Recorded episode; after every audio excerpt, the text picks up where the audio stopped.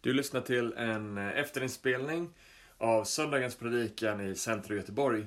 Vi hade tekniska problem eh, och eh, så därför så spelar vi in predikan så här på efterhand.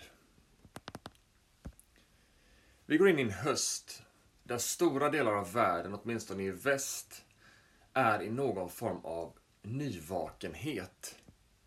Vi går liksom ur någon form av pandemidvala. Gatorna fylls, på liv, fylls med liv. Jag minns jag var häromdagen cyklade in till stan. Åkte bilen gjorde jag. Jag gick in till stan. Jag hade inte varit inne i stan på länge. Jag skulle göra ett ärende inne i en butik och jag bara blev chockad över hur mycket folk det var överallt. Gatorna som bara för några månader sedan var tomma nu sjuder av liv och det är full aktivitet. Det här med pandemin, det är ju inte över ännu. Vi vet inte exakt vad, vi, vad, vad det håller på att ta vägen. Men vi börjar ändå att forma oss för att leva på ett nytt sätt. Vi har alla under den här tiden varit på ett visst sätt. Vi har hållit avstånd, vi har följt restriktioner. Men det viktiga är, och jag tror vi alla förstår att vi kan inte stanna kvar där vi har varit. Utan det börjar bli tid för något nytt. Ett förnyat sätt att vara mänsklighet på. Att saker som närhet, värme, gemenskap, kaféer, gäster, syjuntor och allt vad det kan vara får liksom börja ta plats igen allt eftersom läget tillåter. Och det är nästan som att sätta sig på ett café. Det känns nästan lite sådär äh, pirrigt och speciellt eh, om man inte har gjort det på kanske ett och ett halvt år. Och vi är i det här läget av någon form av nyvakenhet. Att vi får formera oss igen för att vara mänsklighet utan restriktioner, utan behov av avstånd och alla de här sakerna. Ända sedan syndafallet så har Jesu vision varit en förnyad mänsklighet. Att leda oss till en nyvakenhet över vad det är att vara människa.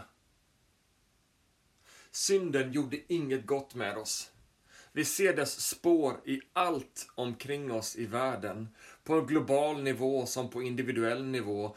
I stora skeenden. Men likväl också i vår egen tanke och ibland i vårt eget hjärta. Vi ser människan i dissonans med Gud. Människan i dissonans med sin skapelse. Människan i dissonans med andra. Människan i dissonans med sig själv. Vi behöver alla försoning med Gud. Och när vi har försonats med Gud så leder det fram till försoningsprocess i våra liv där vi får försonas med andra, med hans skapelse, men också att vi får försonas med oss själva. En ny mänsklighet får växa fram som istället för att bära syndens spår i världen, istället allt mer mitt i världen får bära tydliga spår av sin skapare. Med de här orden så vill jag välkomna dig till en ny termin i Centro. Så gott att du är med oss, så gott att du lyssnar till det här. Så gott att du vill vara en del av vår gemenskap, så gott att du vill formas av undervisning och av det som Gud gör i vår församling. Jag vill välkomna dig också in i en ny serie från Kolosserbrevet. Kolosserbrevet är en bibelbok i Nya Testamentet som talar just om detta. Om den här nyvakenheten. Om hur Gud vill låta en förnyad mänsklighet växa fram. En mänsklighet som inte är formad primärt av synden och världen, utan en, en, en mänsklighet som är formad av sin skapare och som återspeglar något av himlen på jorden. Tänk om Gud den här hösten skulle få leda oss in i någon form av ny vakenhet av vad det är att vara kristen. En ny vakenhet av, att, av, av vad det är att vara en människa skapad till hans avbild. Av vad det är att vara en människa försonad med Gud. Kolosserbrevet skrevs av Paulus och hans medarbetare Timoteus. Och som man hör av namnet Kolosserbrevet så är det ju skrivet till den kristna församlingen i staden Kolosse, eller Kolossai, som ligger i nuvarande Turkiet, inte långt ifrån Efesos. Och det här brevet, det skriver Paulus till en församling som inte han kände personligen. men som han kände genom sin medarbetare Epafras. Det verkar nämligen så att Epafras sändes ut av Paulus när Paulus var i Efesos för att predika på en av sina missionsresor. När Paulus var där, då sände, verkar han ha sänt ut Epafras till Kolossai för att plantera en kyrka där. Epafras, gå till Kolossai, predika, plantera en kyrka och låt Guds rike få bryta mark där. Så det gjorde Epafras och en kyrka växte fram. Och, och nu, när Kolosserbrevet skrivs, så sitter Paulus i fängelse. Fängslad för sin tro och för, sin, för sitt arbete för, för Jesus sak. Och när han sitter där i fängelset så, är det som, så verkar han få kontinuerlig information från sina medarbetare om läget i församlingarna runt omkring. Och man förstår när man läser de första verserna i Kolosserbrevet att Paulus har fått höra mycket gott om församlingen i Kolossai. Sen den startade så har han fått höra mycket gott och, och, och, han säger att jag tackar Gud för, det, för er kärlek till varandra, för att ni älskar varandra, tar hand om varandra, står upp varandra, backar upp för varandra. Jag tackar också Gud för er fasthet i tron, för er trofasthet i tron på Gud. Men det slutar inte där, det är inte så liksom bara, Härligt att tacka Gud för er. Gud välsigne er. Hej då. Utan när man studerar brevet så ser man också att det finns en större orsak som ligger bakom till att Paulus tar upp pennan och författar det här brevet till församlingen. Och som apostel, så även om inte Paulus känner den här församlingen personligen, som apostel så talar han med mandat och auktoritet in i församlingen i Kolossai. Men också genom det här brevet som finns i Bibeln så talar han in i den vida kristna kyrkan genom alla tider och också rakt in i vår tid.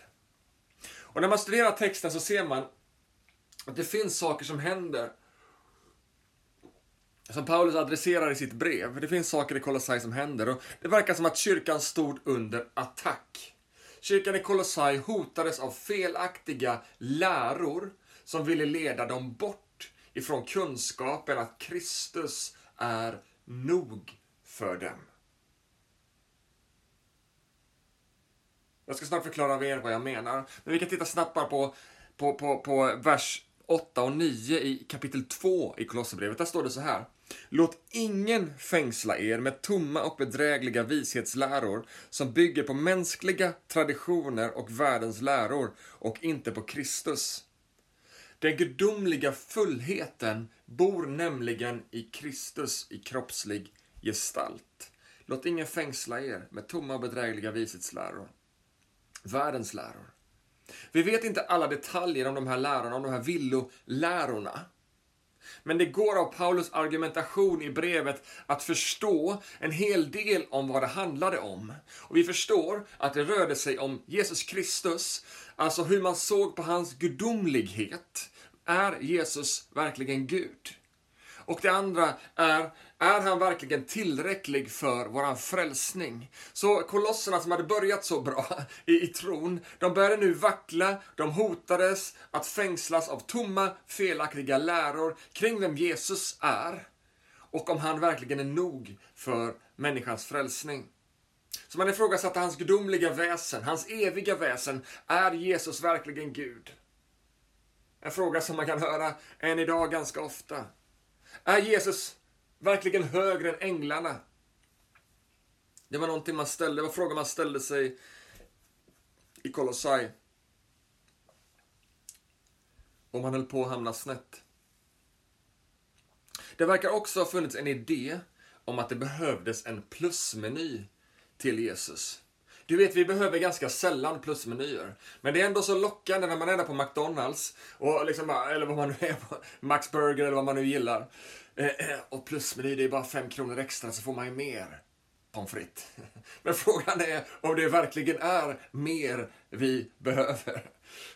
Det fanns de här tankarna i Kolossai, det fanns lärare som sa du behöver Jesus plus andra saker. Jesus plus judiska traditioner. Jesus plus änglauppenbarelser. Jesus plus mystiska, hemliga uppenbarelser, bara tillägnat några få, som liksom får en speciell plats i kyrkan. Alla ska lyssna på de här högt upplysta andliga personerna som har fått de här hemliga uppenbarelserna. Jesus plus. Jesus plus någonting mer. Och det kan ju låta lite smått vansinnigt när man lyssnar på det så här. Det är ju ingen som skulle säga att vi behöver Jesus plusmeny sådär rakt upp och ner. Men faktum är att kyrkan genom historien och än idag pågående utmanas av olika plusmenyer till Jesus.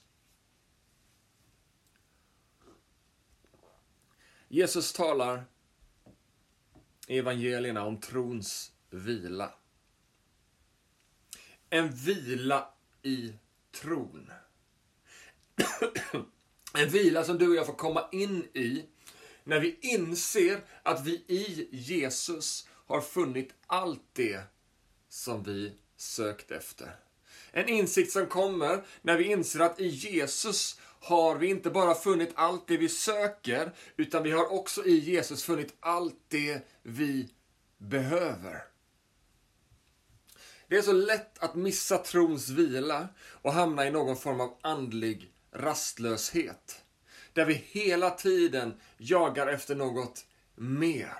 Något nytt. Något häftigt. Något spännande. Det är liksom som att vi lever med en känsla av att det hela tiden är något som saknas. Att det hela tiden är något som fattas oss. Jag tror att de flesta av oss i olika perioder i livet är som öppna mål för Jesus plusmeny-erbjudande. Att det skulle behövas någonting Jesus plus någonting annat.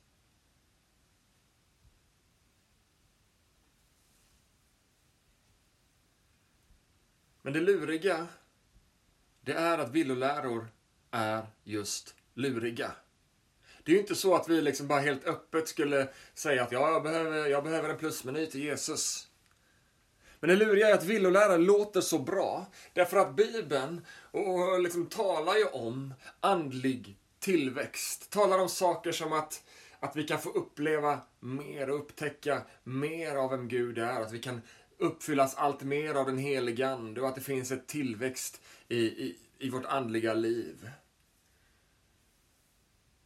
Och gränsen där mellan plusmeny och tillväxt kan ju verka lite otydlig. Så hur kan vi urskilja villoläror och plusmeny kristendom ifrån sund andlig tillväxt, ifrån längtan efter sund andlig tillväxt? Och en sak som är helt fundamental i det här, när det kommer till att urskilja plusmeny ifrån sund andlig tillväxt. Det är att villoläror, plusmenyläror, söker sig alltid bortanför Kristus. Jesus plus något mer. Söker sig alltid bortanför Kristus som nog. Sann kristen tro har alltid och sin enda källa för tillväxt i Jesus Kristus och honom som nog för mig. Jesus plus ingenting är allt jag behöver. Sann andlighet målar alltid Jesus som underbar, fullkomlig och som nog för oss. Det står i första Korinthierbrevet att anden tar det som är av Jesus och förmedlar till oss. Anden förhärligar Jesus.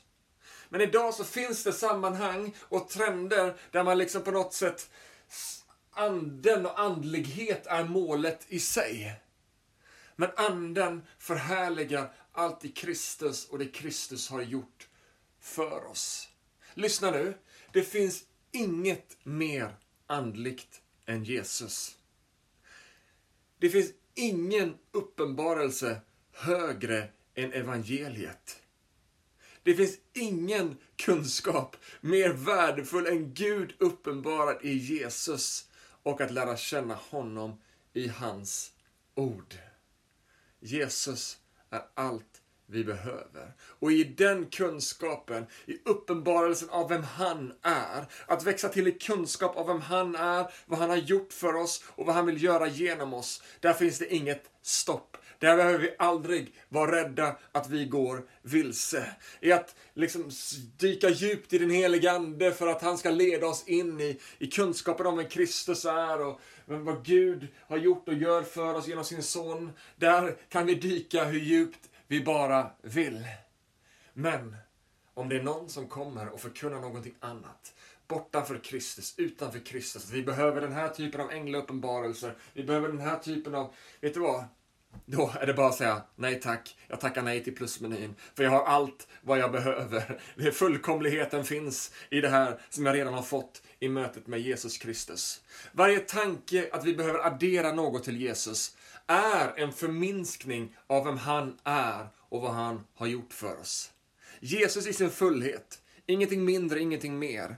Han är fulländad och fullkomlig och det enda vi behöver för gemenskap med Gud, för syndernas förlåtelse, för överflöd av liv och mening nu och för evigt.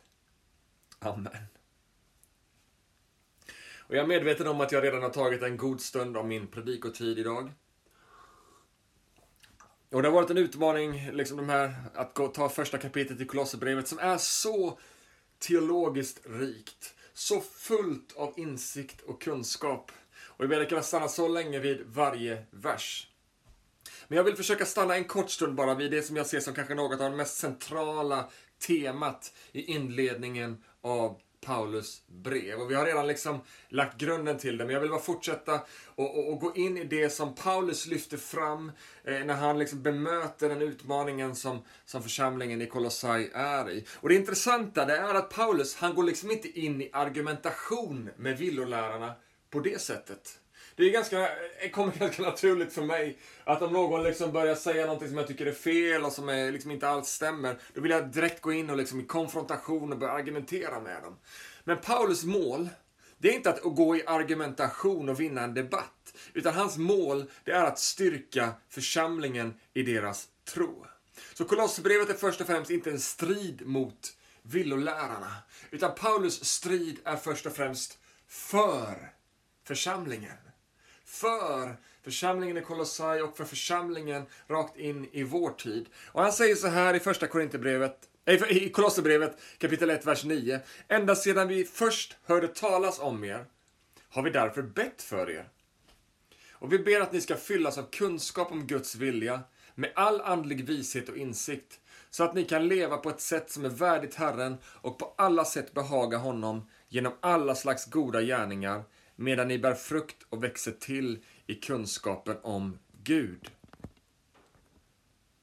Paulus hjärta är för kyrkan.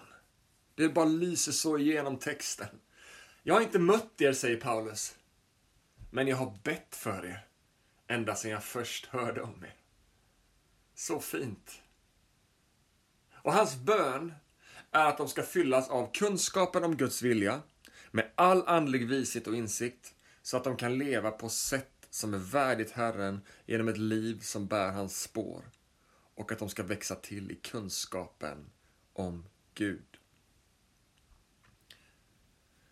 Vad är lösningen mot felaktiga läror och brister i vår tro? Det Paulus säger och Timoteus säger till församlingen i Kolossai, det är att de får en rätt kunskap om Gud och hans vilja för deras liv. Lösningen mot utmaningar i ditt liv, mot tvivel och mot felaktiga läror som liksom kanske tagit fäste. Vad är lösningen för dig? Jo, det är att du får en rätt kunskap om Gud och hans vilja för ditt liv.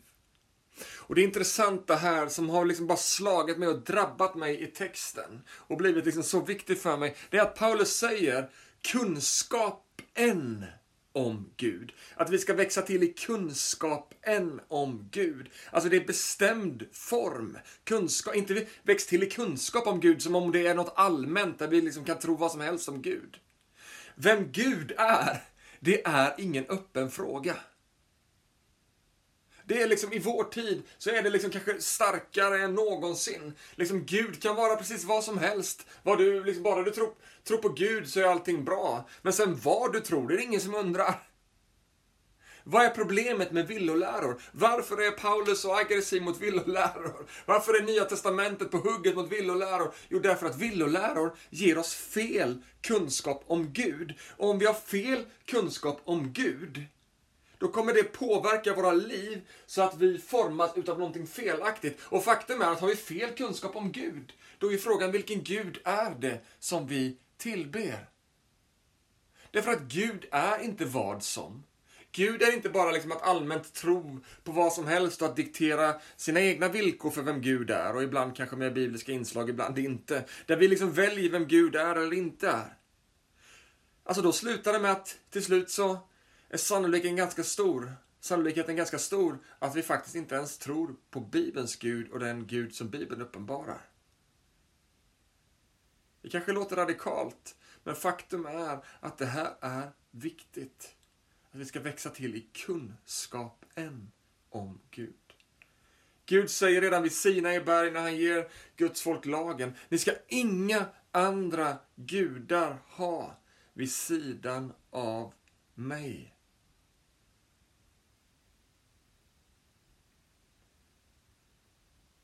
Det är först när vi tror på den guden som Bibeln uppenbarar som vi faktiskt tror på Bibelns Gud.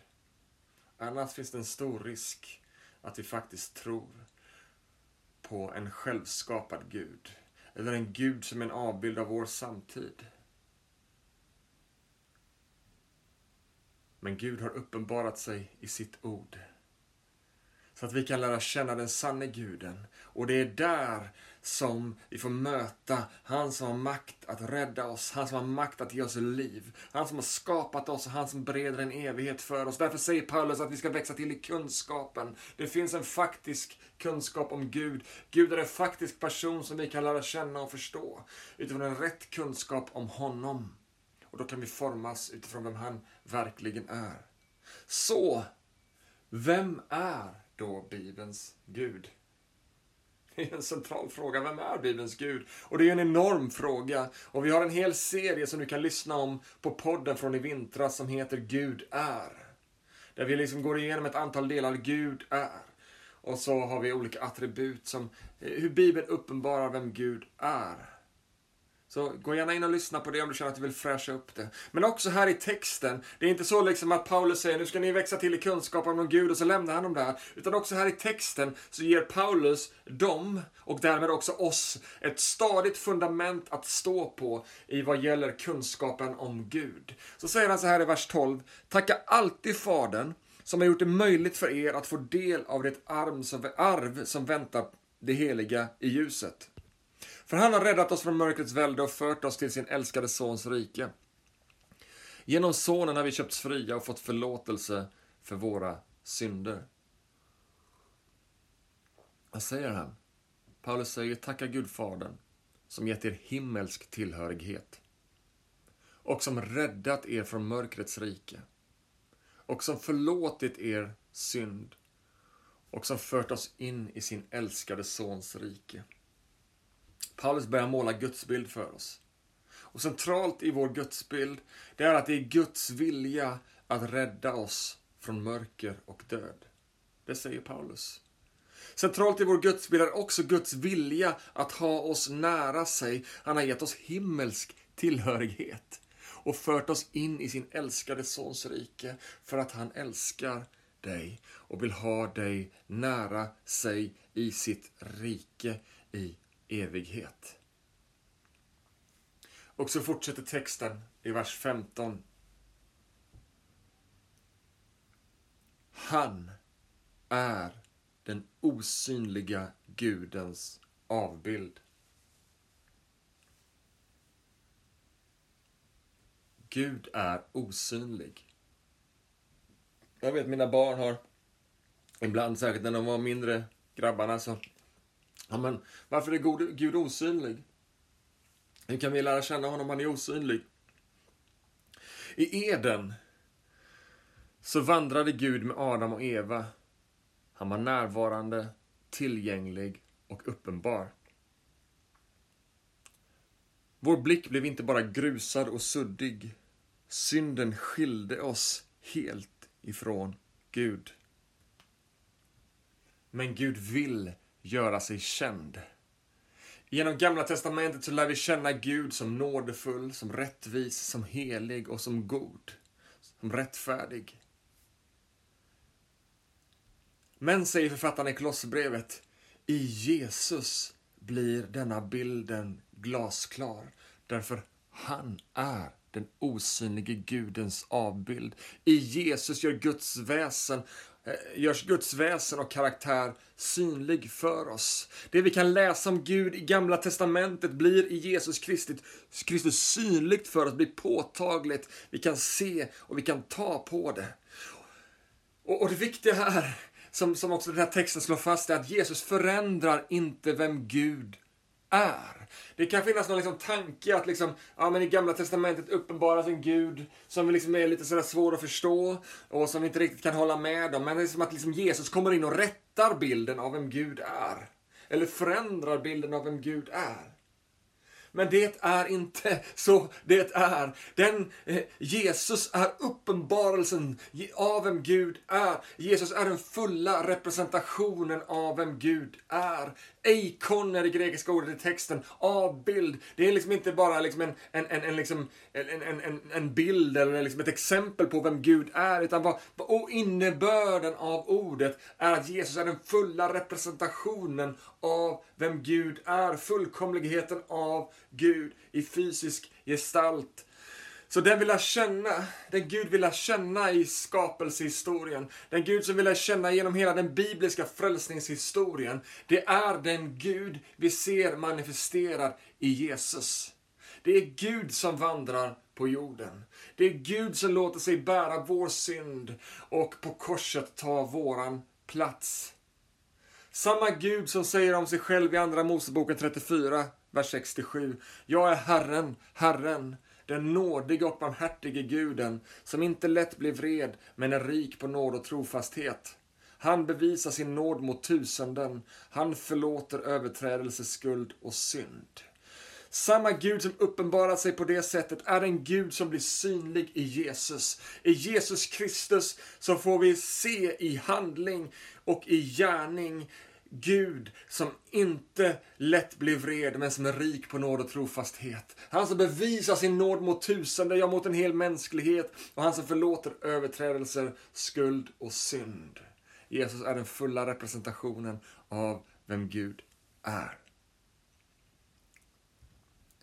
Och Paulus fortsätter i Kolosserbrevet med att brista ut i en fantastisk lovprisning över Jesus. Och det intressanta är att fortsättningen här i kapitlet kan ha varit, eller mycket, inte bara kan ha varit, utan mycket troligt så var det en lovsång som man använde i den tidiga kyrkan. Kanske en hymn, en lovsång skriven av Paulus eller av någon annan. Och Paulus, han liksom målar Jesus så i den situationen som kolosserna är, så vad gör Paulus för någonting? När de behöver lära känna Gud, en osynlig Gudens avbild, ja, då målar han vem Jesus är, för att de ska växa till i kunskapen om Gud. Kolosserna behövde förnyas i sin kunskap om Jesus. De behövde få en rätt och stabil grund som bygger motståndskraft i tron. När vi behöver förnyelse i vårt andliga liv så är det först och främst en förnyad bild av Jesus som vi behöver. Vi söker inte förnyelse i ytterkanterna, vi söker förnyelse i källan Jesus Kristus. Kolosserna hade börjat i en rotad tro över vem Jesus är. Men nu spred sig idéer och tankar och läror om att de behövde någonting mer. Att Jesus inte räckte, att Jesus inte var nog, att Jesus inte var att lita på. Att, de, att Jesus inte var mäktig nog, att kristen andlighet inte var andlig nog. Men då gav Paulus dem en hymn, en sång att forma deras tillbedjan, att forma deras liv och tro. Jag tror inte det är en slump att han ger dem en lovsång. För vad är det du kommer komma ihåg efter den här, efter, efter den gudstjänst du har varit på? Ja, du kommer förhoppningsvis komma ihåg en hel del från predikan. Men det du kommer komma ihåg mest ordagrant, det är de sånger vi sjunger. Det är det som sätter sig i oss och vi kommer ihåg orden och vi går och nynnar på dem genom veckan. Och det är det som kommer forma mycket av din teologi, mycket av din tillbedjan och ditt liv. Så därför så är det viktigt med Kristuscentrerad lovsång och vi pratar ofta om det. Och det ger Paulus verkligen ett exempel på i dagens text. Och första versen i, i den här hymnen som, som, som, som Paulus ger dem är en vers vi redan har läst. Han är den osynlige Gudens avbild, den första före hela skapelsen. Vers 15. Vad säger det till oss? Det säger bland annat att Jesus inte är skapad. Jesus är före hela skapelsen. Han är evig. Han är alltings ursprung. Och det är en sån intressant tanke som jag inte kan låta bli att nämna i, i dagens predikan. Och det är ateister, alltså de som förnekar Gud. Och ateister de vill gärna håna kristna och lyfta fram hur irrationella vi är. Och hur kan ni tro som ni tror? Hur kan ni tro på en Gud? Och hur kan ni tro att Gud skapade världen? Men frågan är vad som är mest rationellt. Att tro att någonting skapades ur ingenting. Av ingenting. Eller att tro att allting skapades av någonting genom någon. Inte vet jag hur någonting ska skapas ur ingenting. Men jag vet att ur någonting kan någonting skapas. Genom någon, en skapare som ligger bakom. Och oavsett hur det rent tekniskt gick till kring skapelsen så är den bibliska världsbilden som Paulus säger i vers 16. Det är att allt är skapat genom honom och till honom. Utan Gud så kommer vi från ingenting och är på väg mot ingenting. Utan mening, syfte och intention. Men Bibelns hoppfulla budskap. Bibelns budskap som ger ditt liv mening och sammanhang, som ger ditt liv kontext, som ger ditt liv innebörd. Bibelns budskap är att vi kommer från Gud och att vi är skapade genom Jesus av kärlek. Och att därmed har våra liv mening, riktning, intention och syfte. Och att vi är på väg mot en evighet som han har designat för oss. Det ger hopp till en mänsklighet som kan upplevas vilsen i en värld som vår. Och så fortsätter Paulus, för i honom skapades allt som finns i himlen och på jorden. Både det synliga och det osynliga, troner och auktoriteter, härskare och makter. Är Jesus jämförbar med andra andemakter och väsen som villolärarna i Kolossai ville hävda? Är änglarna hans jämlike? Paulus är tydlig. Jesus är helt ojämförbar. Jesus är överallt. Jesus är oöverträffad i makt, ära och härlighet. Och det fantastiska är att han inte bara är överallt. Det hade ju varit nog kan man tycka att han är insatt överallt. Men han är inte bara överallt, han är också skaparen av allt vi kan se och allt vi inte kan se. Allt liv är skapat av honom. Andemakter, änglar och härskare i andevärlden. Både änglar och en fallen andevärld är underkastad honom och hans makt, hans ära och härlighet. Därför att han inte bara är satt över dem, han är också ursprunget, alltings ursprung. Så Paulus poäng till kolosserna är tydlig. Varför söka plusmenyer, som i själva verket är minusmenyer? När du redan har direktkontakt med honom som är den högste över allt, också i den andliga världen. Varför ska du söka någon annanstans än hos han som är av evighet till evighet, han som är skapare och herre över allt. Sök istället att komma djupare in i kunskapen om vem han är. Så att det är Gud du lär känna. Så att det är Gud du får leva i relation och gemenskap med. Så att det är Gud som får forma ditt liv. Och han finns till före allting, vers 17 och i honom hålls allting samman. Om vi tänker att vi är utslängda på en slumpmässig planet i ett kaos av planeter utan designad ordning och struktur så känns allt både osäkert och nyckfullt. Bara den tanken är nog för att skapa ångest. Wow, allt kan falla samman, vad som helst kan hända när som helst.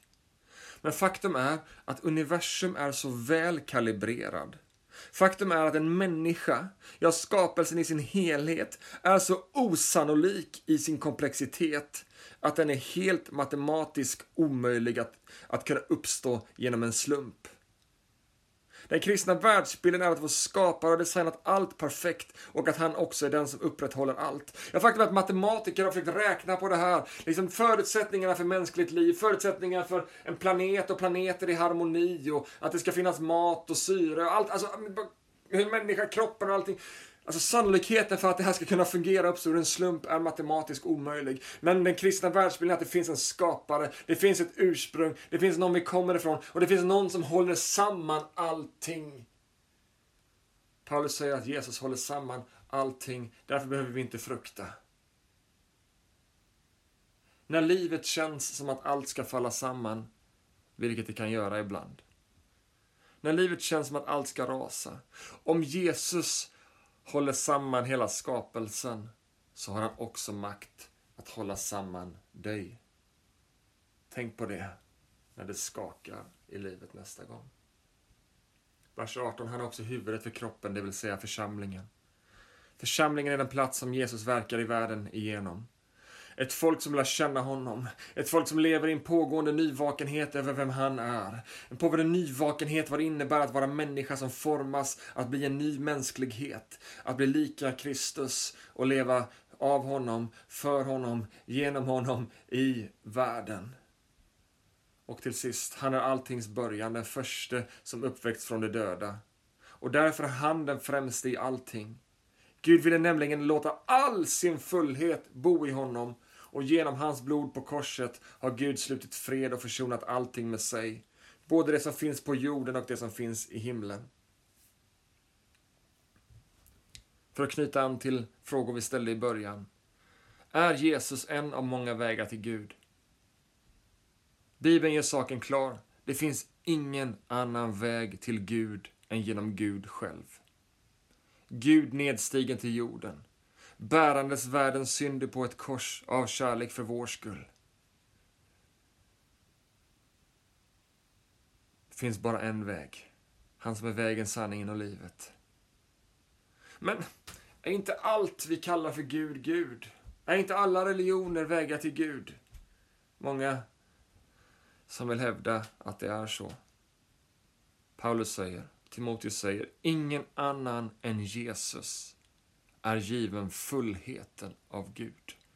Ingen annan än Jesus har burit världens synd på ett kors. Gud ville nämligen låta all sin fullhet bo i honom. Ingen annan än Jesus är given fullheten av Gud. Inte genom någon annan kan vi få frid med Gud. Inte genom någon annan kan vi lära känna Gud. Inte genom någon annan Lukas säger i Apostlagärningarna 4 och 12 att frälsningen finns inte hos någon annan än Jesus. För det finns inte något annat namn under himlen som getts bland människor genom vilket vi blir frälsta. Vi har ett namn givet till oss. Vi har ett namn givet till oss och det är honom som dagens text talar om. Vi har fått skaparens namn. Hans namn som är överallt. Hans namn som håller samman universum. Hans namn som har slutit fred och försonat oss. Hans namn är givet oss. Vi har ett namn givet oss. Ett namn som när vi talar ut får ondskans andemakter att bäva. Därför att han är överallt.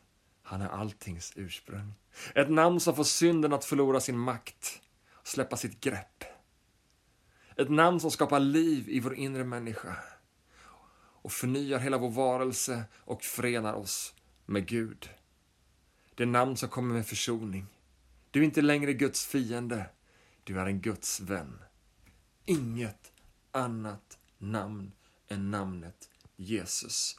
Inget annat namn under himlen som getts bland människor genom vilket vi blir frälsta. Frälsningen finns inte hos någon annan än Jesus. Vi möter fullheten av vem Gud är i Jesus. Han är medicinen mot både villoläror och tvivel mot allt som vi möter som vill rubba vår tro och skaka om oss. I honom får vi växa till i kunskapen om Guds vilja, med andlig vishet och insikt, så att vi kan leva på sätt som är värdigt Herren genom ett liv som bär hans spår i världen när vi växer till i kunskapen om Gud.